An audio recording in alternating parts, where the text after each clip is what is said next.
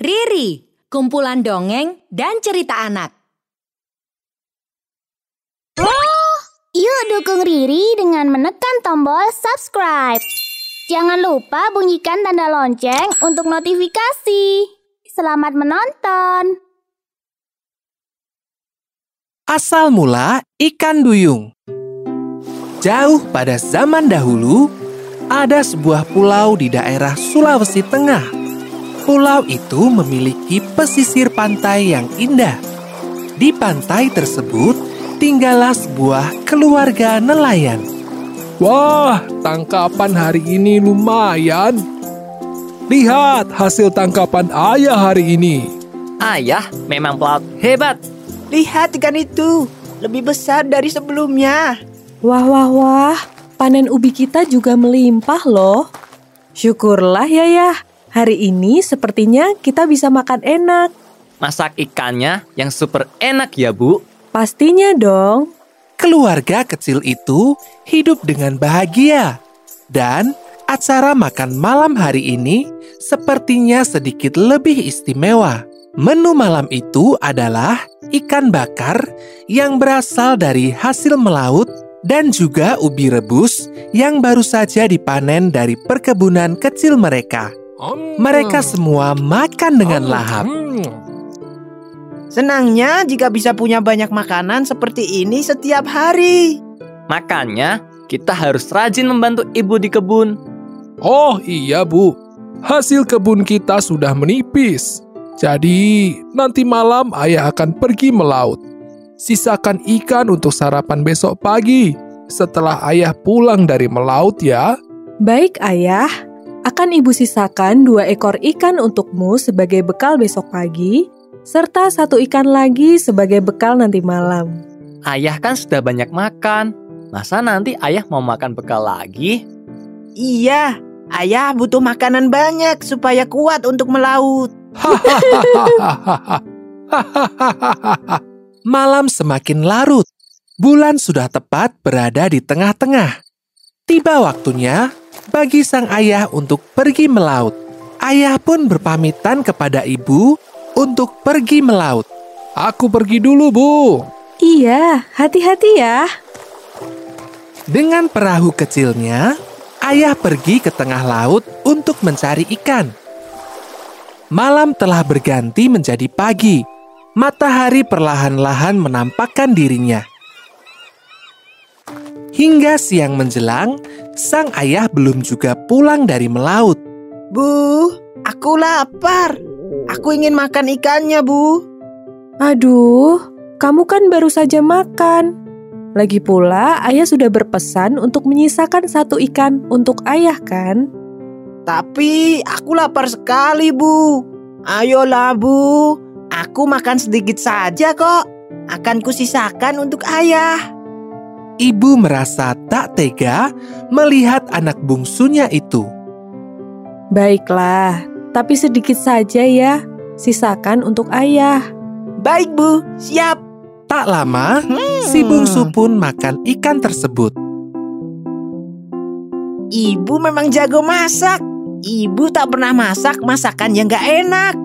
Si bungsu pun makan satu ekor ikan. Kini, ikan milik ayah tinggal satu ekor saja. Si bungsu masih saja lapar. Perutnya seolah semakin lapar ketika melihat sisa ikan itu. Dan dia pun memakan semua ikan tersebut. Tanpa pikir panjang, si bungsu pun melahap habis semua ikan. Ah, ayah kan sedang pergi melaut. Nanti pasti dapat ikan yang lebih banyak. Tidak lama kemudian, dua ikan bakar itu telah habis. Dan hanya tersisa durinya saja. Semua habis disantap oleh si bungsu. Ibu tercengang melihat ikan untuk ayah habis tak tersisa. Ya ampun, kenapa kamu makan semua ikan itu? Maaf, Bu. Aku tidak bisa berhenti makan tadi. Aduh kamu ini, bagaimana nanti kalau ayah marah? Perutku tadi lapar sekali, Ibu. Ah, ya sudahlah. Biar nanti ibu yang bicara pada ayah. Ibu akan memasakkan lainnya untuk ayah. Akhirnya, sang ibu pun luluh. Dia tidak tega melihat wajah anak bungsunya itu berubah menjadi sedih. Matahari makin naik. Ayah pun akhirnya pulang ke rumah. Aku pulang. Bu, aku sudah pulang. Ah, ayah sudah pulang. Tumben pulangnya telat sekali ya. Ibu sudah khawatir dari tadi. Iya, ternyata hari ini laut sedang tidak bersahabat. Arusnya tinggi. Ayah sempat terjebak gelombang dan tidak bisa pulang lebih cepat. Maaf ya, Bu. Ayah juga tidak berhasil menangkap ikan. Tidak apa-apa ya. Yang penting ayah pulang dengan selamat. Ah, ngomong-ngomong, ayah lapar sekali. Melawan ombak tinggi membutuhkan banyak tenaga. Bisakah aku makan ikan kemarin, Bu? Ah, anu, itu tadi si bungsu kelaparan. Jadi semua ikan sudah habis dimakan oleh dia. Ah, Akan kumasakan sayur lain untuk ayah.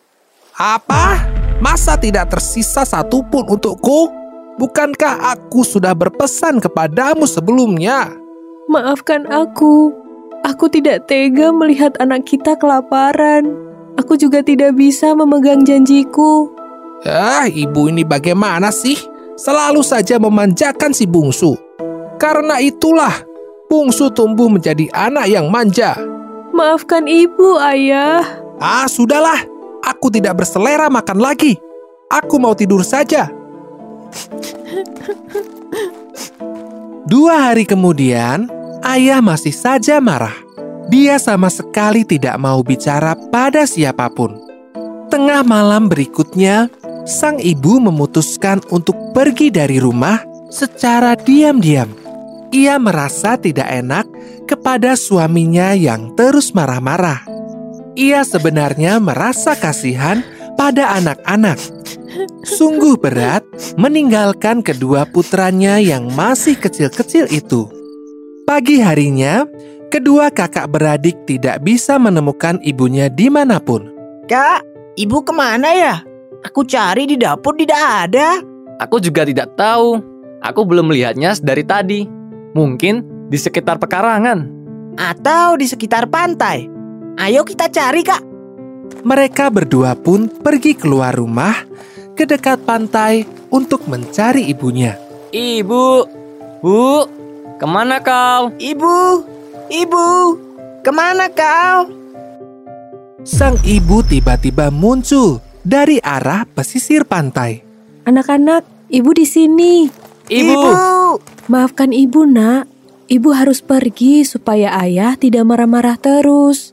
Ibu juga membawakan sedikit makanan untuk kalian. Bawalah juga untuk ayah. Ibu memberikan ikan yang banyak untuk mereka. wow, banyak sekali ikannya Bu. Ibu sendiri yang menangkapnya. Iya, nak. Ibu lebih hebat daripada ayah. Sudah, sana kalian berdua pulang dan bawalah ikan itu. Ibu tidak ikut kami pulang. Ibu mau pergi ke mana? Ibu akan mencari ikan lebih banyak lagi. Ini sudah cukup banyak ibu. Ayo pulang bersama kami. Ayah juga pasti merindukan ibu. Aku tidak yakin. Bawalah ini bersama kalian. Masak dan makanlah bersama ayah kalian. Mereka berdua pun pulang dan membawa pulang ikan hasil tangkapan ibunya itu. Semoga ayah tidak marah lagi ya, Dik. Amin. Ayah, ibu ternyata pergi melaut dan membawa banyak ikan untuk kita semua. Tolong maafkan ibu ya. Namun, ternyata ayah masih saja marah dan belum bisa memaafkan kesalahan ibu. Tidak, ayah tidak mau memaafkan ibumu. Sudah, lekas masak ikan tersebut. Ayah sudah lapar. Kedua kakak beradik berusaha keras untuk memasak ikan itu. Karena telah terbiasa memasak bersama ibu, mereka pun bisa melakukannya dengan baik. Ayah makan ikan tersebut dengan lahap. Berbeda dengan ayah mereka, kedua kakak beradik itu makan sambil membisu. Mereka sedih karena sang ibu tidak bersama mereka. Ayah, kumohon maafkanlah ibu. Ibu telah mencarikan ikan-ikan ini sebagai permintaan maaf. Mendengar anak sulungnya terus-menerus menyinggung sang ibu, kemarahan ayah pun meluap. Sudah kubilang, aku tidak akan memaafkan ibu kalian, walaupun dengan memberi ikan segudang sekalipun. Aku tidak akan memaafkannya. Biar saja ibumu terus mencari ikan hingga menjadi ikan. Seketika, suara guntur menggelegar. Langit yang awalnya cerah berubah menjadi awan hitam. Kilatan petir menyambar-nyambar di segala penjuru. Kala itu, sang ibu sedang berada di tengah laut. Aduh, mengapa cuaca tiba-tiba saja berubah menjadi buruk? Aku harus segera kembali ke pantai. Perahu ibu terombang-ambing di tengah laut. Ketika sebuah gelombang besar datang, perahu ibu pun terbalik. Ya, ya Tuhan, tolong berikan keselamatan kepadaku. Sang ibu terus-menerus berdoa agar selamat. Saat badai bertambah besar, sang ibu pasrah jika dirinya tidak akan selamat. Ketika itulah sebuah keajaiban terjadi. Perlahan-lahan kakinya berubah menjadi ekor ikan. Tidak hanya kakinya saja yang berubah menjadi ekor ikan. Kini, sang ibu bahkan bisa berenang dengan lincah dan bernafas di dalam air. Apakah aku berubah menjadi ikan? Ketika badai mereda, kedua kakak beradik, si bungsu dan si sulung, segera berlari ke pantai untuk mencari ibu mereka. Ibu, Bu, ke mana kau? Ibu, ibu, ke mana kau? Anak-anak, ibu di sini. Sang ibu muncul dari balik sebuah batu besar. Syukurlah ibu selamat. Badai semalam sangat dahsyat. Ayo pulang bersama kami, Bu. Iya ibu, kami kangen sama ibu. Tidak enak jika di rumah tidak ada ibu. Maafkan ibu anak-anak. Kali ini ibu benar-benar tidak bisa pulang bersama kalian. Berjanjilah kepada ibu bahwa kalian akan saling menjaga. Hah? Apa maksud ibu? Perlahan-lahan, sang ibu memperlihatkan kakinya yang kini telah berubah menjadi ekor ikan. Betapa kagetnya mereka berdua melihat ibunya berubah menjadi setengah ikan. Badai semalam telah merubah ibu menjadi seperti ini. Namun ibu bersyukur jika tidak berubah, pastinya ibu tidak akan bisa selamat. Tapi sebagai gantinya, ibu tidak bisa lagi tinggal bersama kalian. Maafkan ibu ya, Nak. Sang ayah yang melihat dari kejauhan merasa bersalah dan menyesal. Jika saja aku tidak mengucapkan sumpah itu, tentu ini tidak akan terjadi. Dan jika seandainya aku tidak terus-menerus marah, istriku tidak akan pergi ke laut.